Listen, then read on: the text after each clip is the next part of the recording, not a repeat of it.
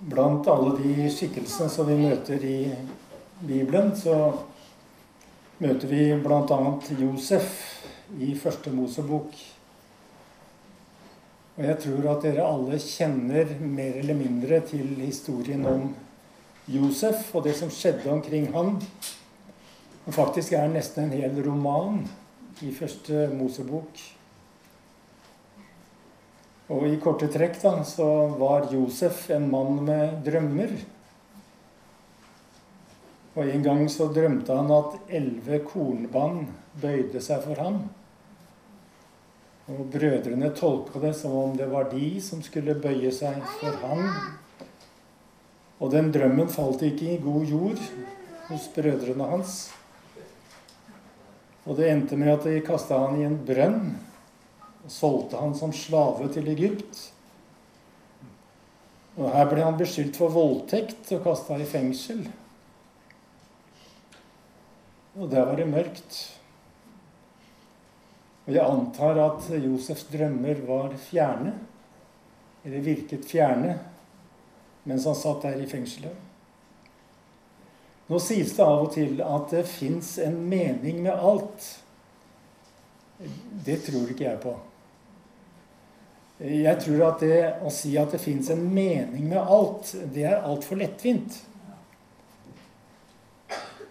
Og det var vel antagelig ikke det Josef f.eks. hadde behøvd å høre der og da. Det er heller ikke sant. Det meningsløse er og blir meningsløst. Og det onde er og blir ondt. Og urettferdighet forblir urettferdighet. Det fins ikke en mening med alt. Allikevel så ser det ut som om profeten Jesaja antyder en slags skjult nåde da han sier Til fred ble meg det bitre. I den svenske oversettelsen står det Se, den bitre plagen ble til nytte for meg. Og jeg tenker umiddelbart når jeg leser dette her, det er lett å si det. Og av og til så er nåden veldig godt gjemt i så fall. Men samtidig så bringer det fram et spørsmål Fins det en fred i det bitre? Eller fins det, eller kan det finnes en nytte i en plage, som Jesaja sier? Og kan det finnes en gjemt nåde i det, midt i det bitre og det meningsløse?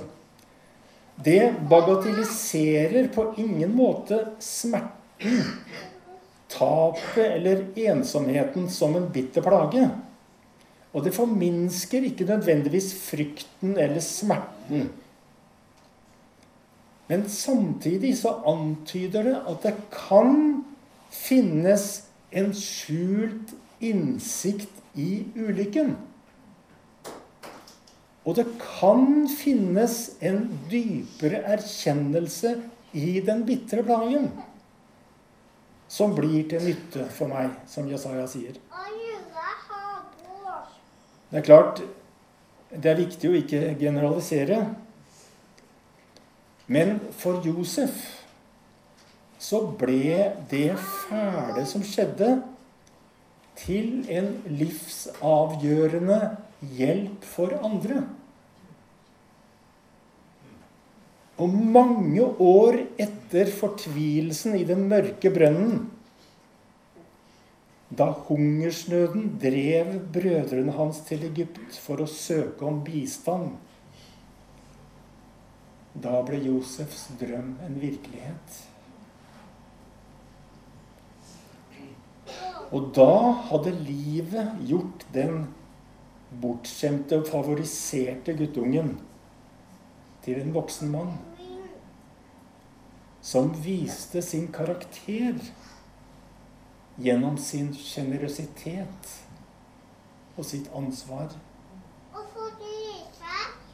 På tross av på tross av forkastelse og misunnelse og urettferdighet, så har Guds velsignelse fulgt Josef som en underjordisk strøm. Og jeg tenker det sto neppe klart for ham da han satt i fangehullet. Men nå, da han, da han uventet møter brødrene sine igjen, og han ser at de bøyer seg for ham uten å vite hvem han var, da innser Josef at barndommens drøm ikke handlet om at han skulle bli en suksess på brødrenes bekostning. Men drømmen handlet om at han en dag skulle ha noe å gi til dem. I gjensynet med brødrene opplevde Josef at det vonde som hadde skjedd, uten å bagatellisere det, tross alt inngikk i en større fortelling. En fortelling som viste han at hans liv var vevd sammen med brødrenes. Og at alt det han hadde gjennomgått, viste seg å inneholde en skjult nåde.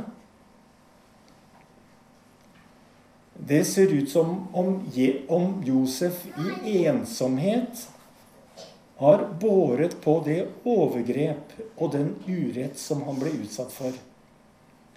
Og i den kjente og ikoniske scenen der Josef kaster maska og avslører for brødrene hvem han er, da ble han klar over den usette nåde som hadde vært skjult i hans livshistorie. Og det står at Josef lette etter et sted for å gråte. Da det gikk opp for Josef hva som hele tiden hadde foregått bak scenen i hans liv det som han ikke ante gjennom alt det som virka som tilfeldige nedturer og oppturer. At Josefs forkastelse ved Guds nåde skulle bli fruktbar for andre, en velsignelse for andre, det hadde han ikke sett. Og en, i en av de sterkeste setningene i Bibelen der bryter nåden gjennom. Da Josef gjennom tårer sier til sine brødre Anklag ikke dere selv fordi dere solgte meg. Det var for å berge liv Gud sendte meg foran dere. Gud sendte meg i forveien, slik at dere skal leve. Her ser vi den skjulte nåde i Josefs liv. Nå kom det til syne. Og samtidig så er det her åpenbart et bilde på evangeliet.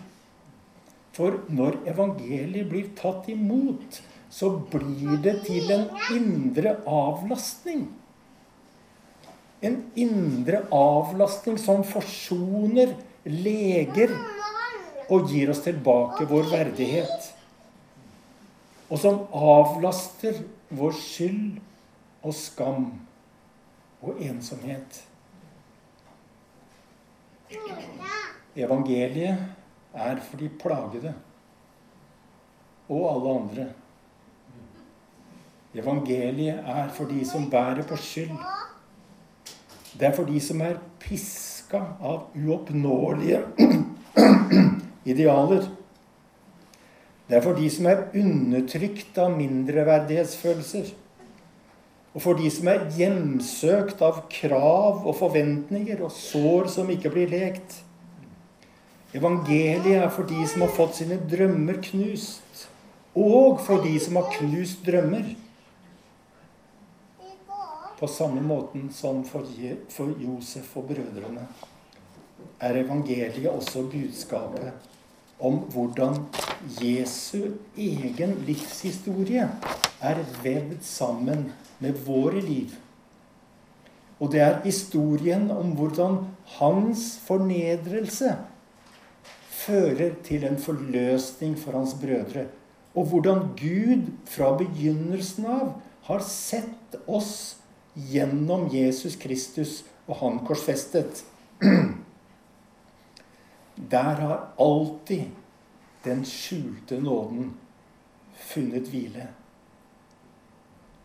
Jeg tror ikke at tapet, ensomheten, smerten eller den knuste drømmen har noe mening i og for seg.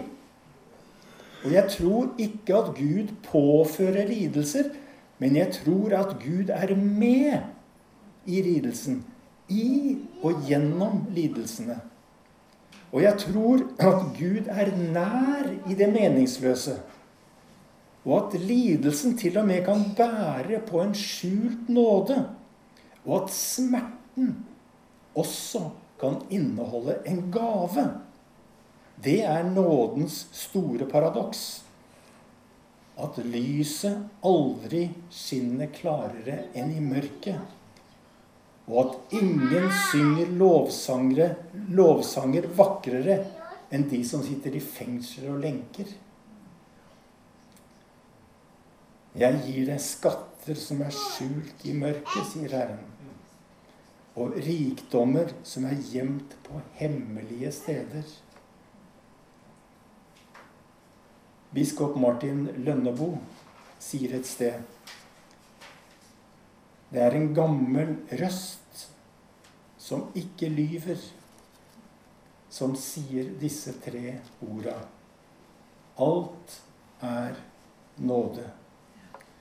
Og disse tre orda, de omfavner det bitre for sent. Og disse tre orda varmer det iskalde umulig. For det fins en skjult nåde i alt.